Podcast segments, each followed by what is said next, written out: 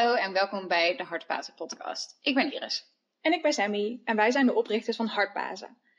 Met Hartbazen nemen wij jullie mee op onze reis naar een gelukkig en gezond leven. Dit doen wij door onze eigen ervaringen, inzichten en kennis te delen over verschillende onderwerpen. Vandaag voor onze eerste aflevering gaan we het hebben over burn-out.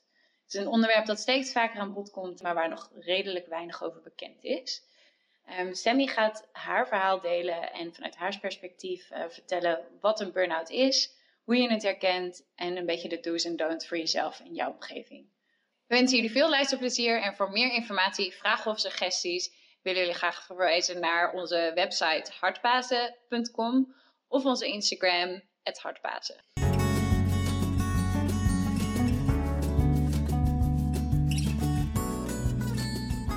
Nou Sam, daar gaan we onze allereerste aflevering. Daar gaan we wat van maken. Wel een beetje met je billen bloot. Ja, dat kan je behoorlijk uh, zo zeggen, ja. Ja, dat vind ik wel spannend, maar ook wel fijn om dat eerlijk te kunnen vertellen. En dat wil ik ook met de luisteraars meegeven, dat iedereen heel erg open mag zijn. Zolang je natuurlijk zelf daar prettig bij voelt. Maar uh, ja, het is even spannend, maar dat komt, uh, komt ja. goed. Nou, ik vind het heel knap van je.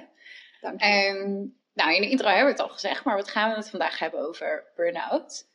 En dat komt ook omdat Sammy uh, eerder dit jaar uh, mij belde vanuit de andere kant van de wereld met het verhaal: shit, ik heb een burn-out. Um, en ik, zoals zoveel mensen, denk ik, wist überhaupt niet zo goed wat het was of hoe je ermee omgaat. Uh, en we beseffen dat dat niet alleen bij mij is, maar met meer mensen. Dus Sammy gaat vandaag ons helpen om te begrijpen wat het is. Ja. En hoe je ermee omgaat. Ja, precies. En misschien even een uitleg aan de andere kant van de wereld. Iris woont uh, normaal gesproken altijd in Australië. Ze is nu uh, momenteel eventjes in Nederland, maar ze gaat straks weer terug. Dus uh, dan moeten we weer gaan bellen vanuit de andere kant van de wereld. Ja, ja. maar nu zijn we nog even samen. Nu zijn we nog even samen en ja. um, laten we maar inspringen. wat is een burn-out, Sammy? Ja, wat is een burn-out? Dat is een heel lastig begrip om uh, daar eigenlijk één begrip, één definitie aan te geven. Want je ziet op het internet en ook in boeken dat er geen officiële medische definitie daarvan is. Um, dus ook ik heb daar eigenlijk mijn eigen definitie van gemaakt. En het komt er eigenlijk op neer dat je opgebrand bent, zowel vanuit werk als privé. Je bent super vermoeid, je bent uitgeput. En dat moet je niet zien als iets zwaks, maar eigenlijk als iets heel sterks. Maar je bent te vaak over je eigen grenzen heen gegaan. En je hersenen zijn daardoor gewoon letterlijk um, ja, overbelast. Ja, en ik denk dat het ook wel belangrijk is om te benoemen dat. Um, tenminste, ik, ik, denk dat veel mensen het idee hebben dat een burn-out alleen maar met werk te maken heeft. Maar in principe is je hele energiepotje leeg. En dat is niet selectief. Hè? Het is niet zo dat als je je werkenergiepotje hebt en je persoonlijke energiepotje. Het is gewoon één grote pot en die is gewoon helemaal leeg. Ja, gewoon jij als persoon zijnde bent gewoon leeg. Dus ja. je, je kan niet werken, maar je kan ook niet met vrienden leuke dingen doen. Je kan gewoon eigenlijk niks opdragen. En dat is natuurlijk super persoonlijk, zo'n proces. En iedereen uh, maakt dat anders mee. En de ene is het zwaarder dan voor de ander. Maar voor mij was bijvoorbeeld naar de Albert Heijn gaan al te veel. Daar moest ik keuzes maken. Ik had heel veel prikkels, de muziek stond aan. Ik barstte gewoon in huilen uit. Dat was te veel voor mij. Uh, dus ik heb zeker in het begin vooral heel veel thuis doorgebracht met niks doen. En dat zeg ik nu heel makkelijk, maar dat vond ik heel erg moeilijk. Dus toch bleef ik dingen thuis doen, als in de kamers verbouwen, de, het dakterras veranderen, mijn vriendje aansturen, oh je moet nu dit doen. Uh, dus voor mij heeft het heel lang geduurd om echt tot het besef te komen van oké, okay, ik, heb, ik heb gewoon iets, ik heb last van mijn, van mijn lichaam, uh, ik mag echt rust gaan nemen. Ja, is misschien wel goed om nog een paar stappen terug te gaan en eigenlijk te beginnen bij uh, hoe, wanneer wist je dat je een burn-out had, zeg maar? Of hoe is dat proces gegaan? Want ja, ja je, wordt niet wakker en je krijgt een bericht met: Oké, okay, goedemorgen, je hebt een burn-out. Ik bedoel, er zit natuurlijk een heel proces aan vast waar je waarschijnlijk ook lange tijd nog niet wist dat je het had terwijl je het had. Precies, ja. Dat, dat is een heel lang proces. Um, waarvan je ook later terug gaat denken van, oh ja, het was eigenlijk al veel eerder. Dus voor mij, begin dit jaar ben ik eerst nog een maand naar het buitenland geweest voor het werk. Ik had daar een social sabbatical. Ik mocht daar uh, werkervaring opdoen bij een buitenlandse organisatie. En dit werd georganiseerd vanuit de organisatie waar ik werk en nog steeds werk. Um, en dat was voor mij een hele zware maand. Ik had een, eigenlijk een lastige klant waar ik mee moest samenwerken, maar ik zat ook in een groep wat niet helemaal lekker ging. Dus die maand ben ik super hard over mijn eigen grenzen heen gegaan. En toen ik thuis kwam, merkte ik meteen wel dat mijn energie op was. Ik voelde me niet lekker. Ik was heel veel aan het huilen. En ik moest ook meteen weer aan het werk, gewoon in de rol waar ik toen in zat. Ehm, en toen ging ik bij mezelf bedenken, oh, wat is hier aan de hand? Want ik voel zo niet mezelf en ik kan alleen maar huilen. Wat is er aan de hand? Um, dat heb ik toen wel eerlijk tegen mijn manager gezegd. Joh, er is iets, ik weet niet wat. Vraag er ook niet op door, maar ik heb ergens last van. En toen ben ik eigenlijk zelf gaan kijken van, nou, wat kan ik dan nu gaan doen? Want ik heb nu hulp nodig, dit ga ik zelf niet kunnen oplossen. En toen ben ik in eigen initiatief in contact gekomen met de bedrijfarts. En die uh, ja, gaf in eerste instantie aan van, je bent overbelast, je moet een paar weken rust hebben. En eigenlijk pas later kwam naar voren dat het, uh, dat het zwaarder is, dat het dus echt een burn-out is. Um, pas eigenlijk na een paar weken dat ik thuis zat, ben ik ook gaan nadenken, nou, hoe komt dit dan eigenlijk? Want dit kan niet in één keer van die ene maand komen. Het zit al veel langer in mij en nu komt het gewoon keihard eruit. Uh, en wat bleek dus ook wel, dat eigenlijk in heel het afgelopen jaar voor mijn burn-out zat ik onwijs met mezelf in de knoei. Ik wist niet zeker of ik wel de goede baan had, of ik daar tevreden in was. Ik vond mijn collega's allemaal veel beter dan dat ik was. Uh, maar wat wilde ik dan wel? Dat vond ik heel moeilijk om te beantwoorden. Uh, dus ik ben toen maar dingen ook gaan doen uh, waar ik dan wel goed in was, maar wat ik dus niet leuk vond om te doen. En dat betekent dus eigenlijk dat ik gewoon over mijn eigen grens heen ben gegaan. En dat is gewoon te lang doorgegaan, waardoor ik in maart gewoon ja, letterlijk uitging. Ja, en met jou uh, de hele wereld. Want dat is ook een beetje de periode geweest dat uh, ja. corona, zeg maar, het land binnenkwam. Dus dat heeft ook nog wel zijn ja. challenges met zich meegebracht. Maar goed, daar hebben we misschien later over. Want je zegt dus eigenlijk van je, je bent eigenlijk herhaaldelijk over je eigen grens heen gegaan. En op die manier ben je er ja, in een burn-out gegleden, om het zo maar te, te zeggen. Ja, ja het was een combinatie van meerdere dingen. Enerzijds inderdaad maar over mijn eigen grens heen gaan. Dus maar doorgaan, ook al ben je moe, je gaat wel door. Uh, te veel prikkels krijgen van buitenaf, waar ik dan ook nog wel extra gevoelig voor ben. Uh, en dus heel erg verdwijnen in je eigen hoofd en daar niet meer uit kunnen komen. En dan is gewoon letterlijk inderdaad je lichaam die aangeeft, joh, je kan niet meer verder, dit is het. En daar komen dus dan ook heel veel lichamelijke klachten bij, als in uh, migraine, maar ik had ook constant een koortslip. Ik was heel erg om mijn kiezen aan het bijten ik was gewoon te moe om ook eigenlijk nog te slapen. Dus mijn slaap werd zeker uh, aangetast. Ik sliep gewoon eigenlijk heel weinig. En als ik dan wel sliep, was ik heel druk aan het dromen. Omdat mijn hoofd daardoor zo uh, ja, druk bezig was. Um, en cognitief, ik was gewoon super somber. Ik kon alleen maar huilen. Ik had geen zin in sociaal contact, want al die prikkels kon ik gewoon niet aan. Uh, en daarbij was ik ook heel vergeetachtig. Dus waar ik normaal heel erg enthousiast en positief kan zijn. En ook goed verjaardagen kan onthouden, bijvoorbeeld van vrienden. Ja, dat, dat was ik gewoon kwijt. Ik kon dat gewoon niet meer. Mijn hersenen konden dat niet aan. Ik had echt die rust nodig. Maar wel knap dat je inderdaad zelf uh, naar de bedrijfsarts bent gegaan. En het hebt aangegeven bij je manager. Ik denk dat dat... Ik weet niet, ik vind dat wel een knappe vet om te zeggen. Om gewoon te zeggen, jongens, ik weet niet wat er aan de hand is. Maar ho, stop, sta eens even stil. Ik ga nu nou, met de bedrijfsarts praten. Ja, ja, dat, dat was ook super moeilijk, want je gaat dan eigenlijk iets aangeven waarvan je zelf niet weet wat het is. En ik ben hmm. normaal altijd iemand die zeker wil zijn met wat ik ook zeg. Uh, en op dat moment wist ik het niet, maar ik voelde daarbij wel meteen aan van, nou, dit moet ik kwijt, want ik ga dit zelf niet op kunnen lossen. En dat komt wellicht ook wel omdat ik uh, vanuit mijn jeugd meerdere donkere periodes eigenlijk heb gehad. En ook al vaker heb gewerkt met een psycholoog en met een coach. Uh, en vanuit daaruit ook wel zelfinzicht heb gekregen dat wat ik toen dus op dat moment voelde echt, dacht ik heb nu hulp nodig. Dit ga ik zelf niet kunnen oplossen. Ja, mooi. Um, nou, je bent dus met de bedrijfsarts gaan zitten en toen vervolgens met, ook met de psycholoog gaan praten en tegen je manager gezegd, nou, uh, ik kom voorlopig even niet. Hoe ging ja, heel dat riedeltje gaat dan van start. Um, waar wat je net al aanhaalde met de coronatijd wel wat lastiger maakte. Want um, toen ik de bedrijfsarts aan de telefoon had, uh, in tien minuten deed ze eigenlijk een, een, uitspraak met wat ik nodig zou hebben. Met mij niet gezien te hebben en dus alleen maar tien minuten aan de telefoon gesproken te hebben. Ja, dat is best kort. Dat is heel kort. En voor mij was dat ook meteen een moment mm, dat het me ook moeilijk werd. Uh, want ik mocht haar dus ook daarna niet meer zien door corona. En zij gaf meteen aan, hou maar even twee weken rust en dan ben je er wel weer.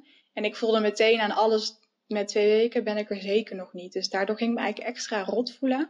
Mm. dat maakte wel heel de situatie lastiger, want ik heb haar uh, pas na vier keer telefonisch, uh, ja, telefonisch gesproken te hebben. In het echt kunnen zien, omdat ik zelf wat aangegeven, ik heb, je moet mij gewoon echt zien, want cognitief en communicatief sta ik sterk. Um, maar als je me ziet, dan zie je gewoon dat er veel meer aan de hand is. Dus dat maakt voor mij heel het proces in het begin wel heel erg lastig. Um, waar ik ook dus met de psycholoog meteen heb aangegeven, ja, ik moet jou zien. Ik kan niet via telefonisch uh, een consult met je hebben. Nou, dan heb je het op werk verteld en dan oh uh, kom je thuis en uh, bij je familie en je vrienden en je vriend. Hoe ging dat? Ja, dan komt het al met zoveel op je af. Eén, natuurlijk jezelf, dan inderdaad je bedrijfarts, de psycholoog, je collega's, je familie, je vrienden. Uh, iedereen geeft ook om je, dus ze willen graag vragen aan je stellen, maar ja, dat vond ik gewoon echt niet fijn. Ja. Uh, dus ik was heel erg aan het zoeken van, oh jeetje, wat lief dat iedereen aan me denkt, maar nu gewoon even niet. Uh, en ook omdat het zo'n onbekend begrip is voor veel mensen, gaan ze verkeerde opmerkingen geven, of althans in mijn ogen verkeerde opmerkingen, waardoor ik nog meer in de war was en nog meer in strijd met mezelf. Um, dus daarin, toen heb ik gekeken, oké, wat heb ik dan wel echt nodig en wat heb ik niet nodig? En daar heb ik uh, geprobeerd om naar mijn omgeving heel duidelijk grenzen aan te geven. Bijvoorbeeld de vraag was, hoe is het? Daar, daar ga ik heel slecht op en nog steeds. Omdat heel dit proces, ja, ik heb geen idee hoe het met me gaat. Er speelt zoveel uh, dat die vraag al meteen ja, heel veel onrust bij mij uh, omhoog brengt. Dus die vraag en ook wat heb je op een dag gedaan, Sammy? Ja, dat zijn gewoon de vragen die ik niet wil horen. Dus wat ik op dat moment heb aangegeven is van joh, als je een berichtje wil sturen dat mag, maar stel geen vragen. Uh, stuur eerder bemoedigende woorden. En of ik wel of niet reageer, ja, daar, daar kan ik geen beloftes op doen. Dat is puur um, voor mezelf en ook, ja, ik heb energie nodig om dingen te kunnen sturen. Dus ik heb in het begin heel veel uh, ja, met mezelf gezeten en gewoon geen sociaal contact gehad. En ook geen behoefte aan gehad wel grappig dat je um, eigenlijk zegt van de eerste stap die je neemt en waarschijnlijk moet nemen, is je grenzen aangeven. Terwijl dat ook een van de dingen is die je natuurlijk, of tenminste, waarvan het klinkt alsof dat een van de elementen zijn waardoor je überhaupt in zo'n proces terecht mm. bent gekomen. Ja. Dus dat is ook nog wel een leerproces. En dat helpt natuurlijk ook niet. Je moet op dat moment juist heel erg je grenzen gaan aangeven en ook jezelf te gaan houden en anderen aanhouden. Terwijl dat ben je niet gewend. Dat is echt een oefening die je niet dat, nee, ja. klopt. Nee, dat, dat, is ook super moeilijk, want ik ben normaal altijd een heel sociaal persoon en graag uh, ga ik om met iedereen.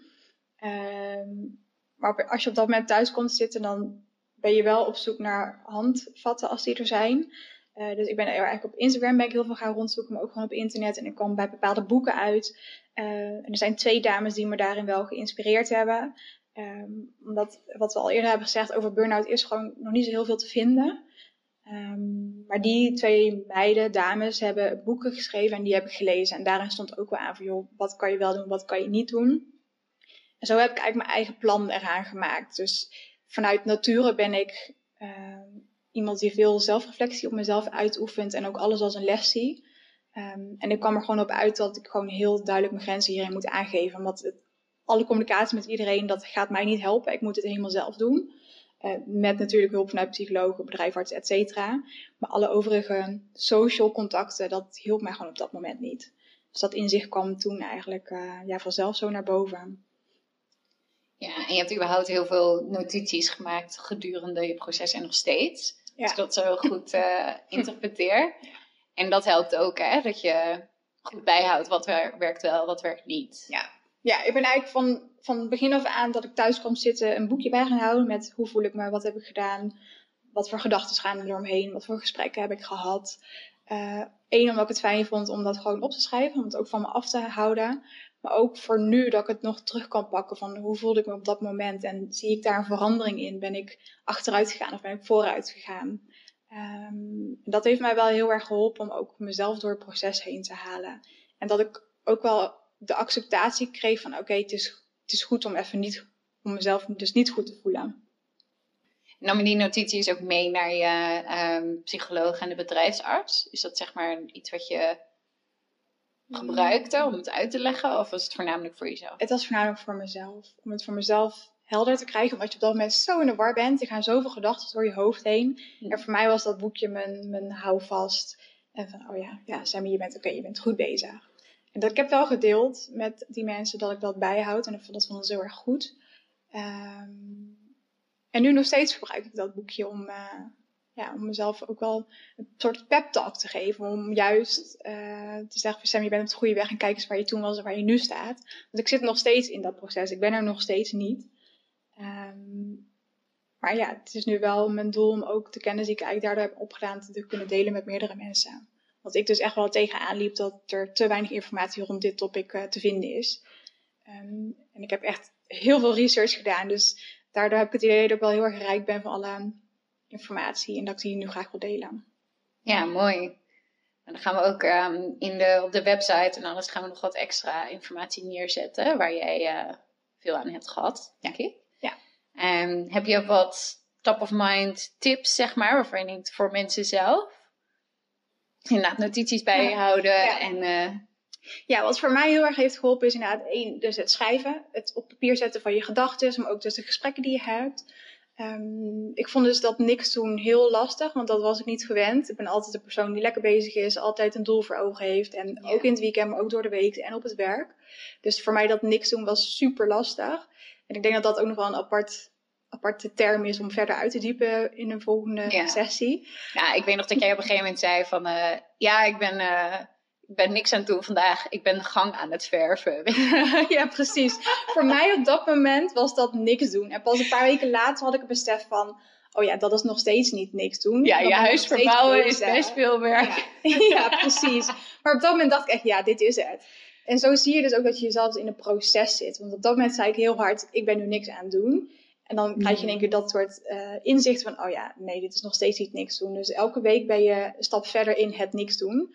Um, dus soms was dat voor mij ook gewoon dus op de bank zitten en naar buiten kijken. Gewoon, wat zie ik daar? En ik, ik, heb, ik woon aan het water en uh, daar zaten toen op een gegeven moment uh, meerkoetjes en die hadden een nest en dat was echt mijn doel voor de dag. Eigenlijk voor iedere dag om naar die meerkoetjes te kijken. En ze kregen eitjes en ik zag ze geboren worden en ik gaf ze eten. En dat was voor mij echt wel mijn houvast om iedere dag gewoon dus naar hun toe te kijken. Wat leuk.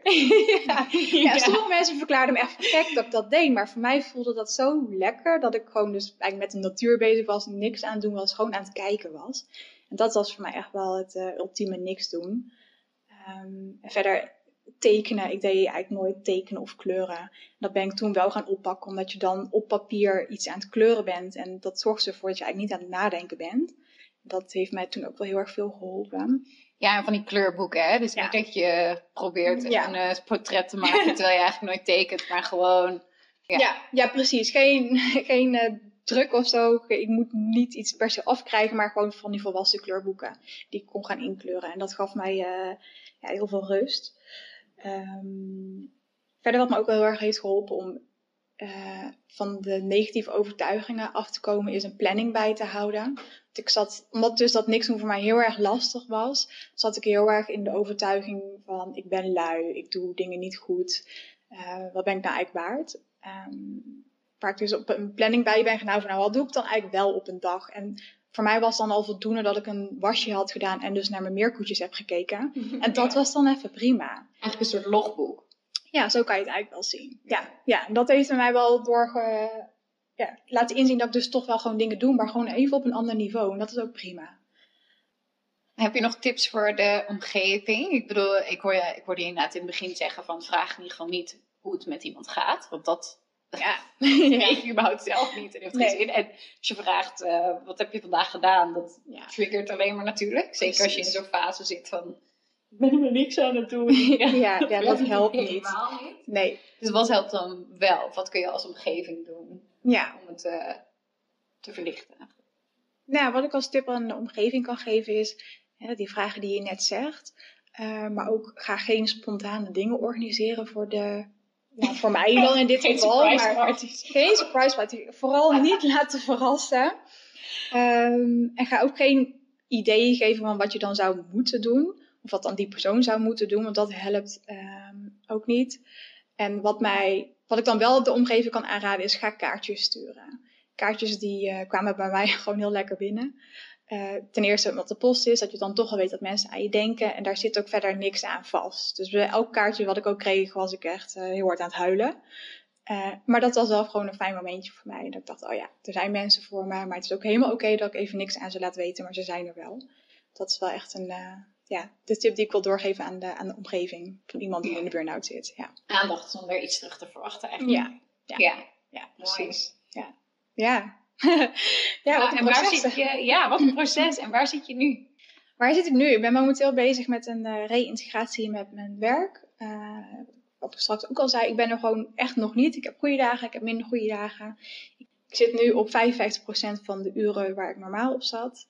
En ja, dat, dat loopt gewoon nog. En daarmee ben ik goed in communicatie met mijn manager. En um, ja, hebben we wel echt nog alle rust nodig om daar bovenop te krabbelen.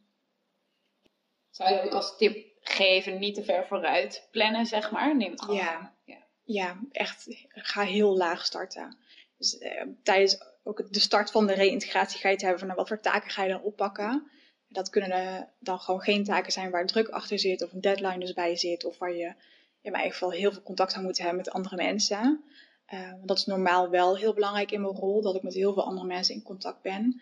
Um, maar dat, dat is gewoon nog steeds te veel voor me. En nog steeds uh, moet ik ook rekening houden dat ik niet te veel op één dag plan. Dus um, ik kan niet te veel mensen spreken op één dag, want dat geeft mij gewoon nog te veel informatie, waardoor mijn hoofd gewoon weer helemaal op volle toeren slaat. Um, dus samen met mijn manager heb ik gekeken naar wat kan ik dan wel oppakken, wat ik ook leuk vindt om te doen. Dat is het allerbelangrijkste. Dat je wel meteen wat gaat doen wat leuk is. Want anders ga je meteen weer aan je energie merken dat het uh, niet goed zit. Dat ga je dan langzaamaan eigenlijk uitpakken met nog meer taken erbij. En misschien toch wat meer mensen spreken. Tot je natuurlijk dadelijk uiteindelijk op die 100% zit. Maar goed, daar kan ik ook niet over meespreken, want daar zit ik ook nog niet. Um, dus ik vind het wel fijn dat, dat je dat opbouwend doet. En ik kan zelf heel erg goed aangeven met wat ik wel kan hebben en wat ik niet kan hebben. En ook dat is elke keer weer een les. Want juist die reïntegratie staat er natuurlijk voor dat je weer tegen dingen aan gaat lopen, maar dat je, je eigenlijk je vaste patronen gaat veranderen. En dat is uh, ja, waar ik nu middenin zit. Ja, en ja, en het zijn patronen die je waarschijnlijk al jaren in zit en nu opeens iets heel anders uh, ja. probeert te doen. Dus krijg je dan ook nog, uh, of hoe gaan je collega's daarmee om, zeg maar? Je directe collega's, niet alleen je manager. Oh ja. Of heb je daar nog tips voor? Van...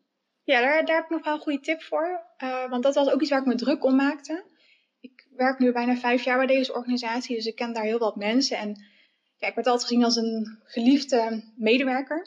Um, dus ik maakte me met mijn reïntegratie wel een beetje zorgen van, oh, hoe ga, ik, hoe ga ik dat doen? En al die mensen weer om me heen en zoveel aandacht krijgen. Dus dan is voor mij het geluk dat corona er is, dat je thuis moet werken. Dat zie ik als een uh, geluk, wat natuurlijk voor heel veel mensen ook niet zo is, maar voor mij wel omdat dat betekent dat ik gewoon vanuit huis mijn eigen veilige plek kan werken. En dus ook niet continu de collega's aan mijn bureau heb staan. En uh, om dus ook te tackelen dat ik dus te veel informatie zou krijgen van mijn, van mijn medewerkers en mijn collega's, heb ik een mail uitgestuurd. De dag dat ik begon met, jongens, ik ben er weer. Ik start zoveel uur op die dagen. Uh, maar ga niet vragen hoe het met me gaat. Ga ook niet spontane meetings inplannen. Uh, als ik wat wil hebben van je qua informatie, dan kom ik wel naar je toe. Um, ja, en dat is gewoon wat ik nu even nodig heb en wat ik fijn vind. En ik hoop ook gewoon dan daar het support erop. Dat is de eerste mailcommunicatie die ik heb uitgestuurd naar mijn uh, collega's. Sterk.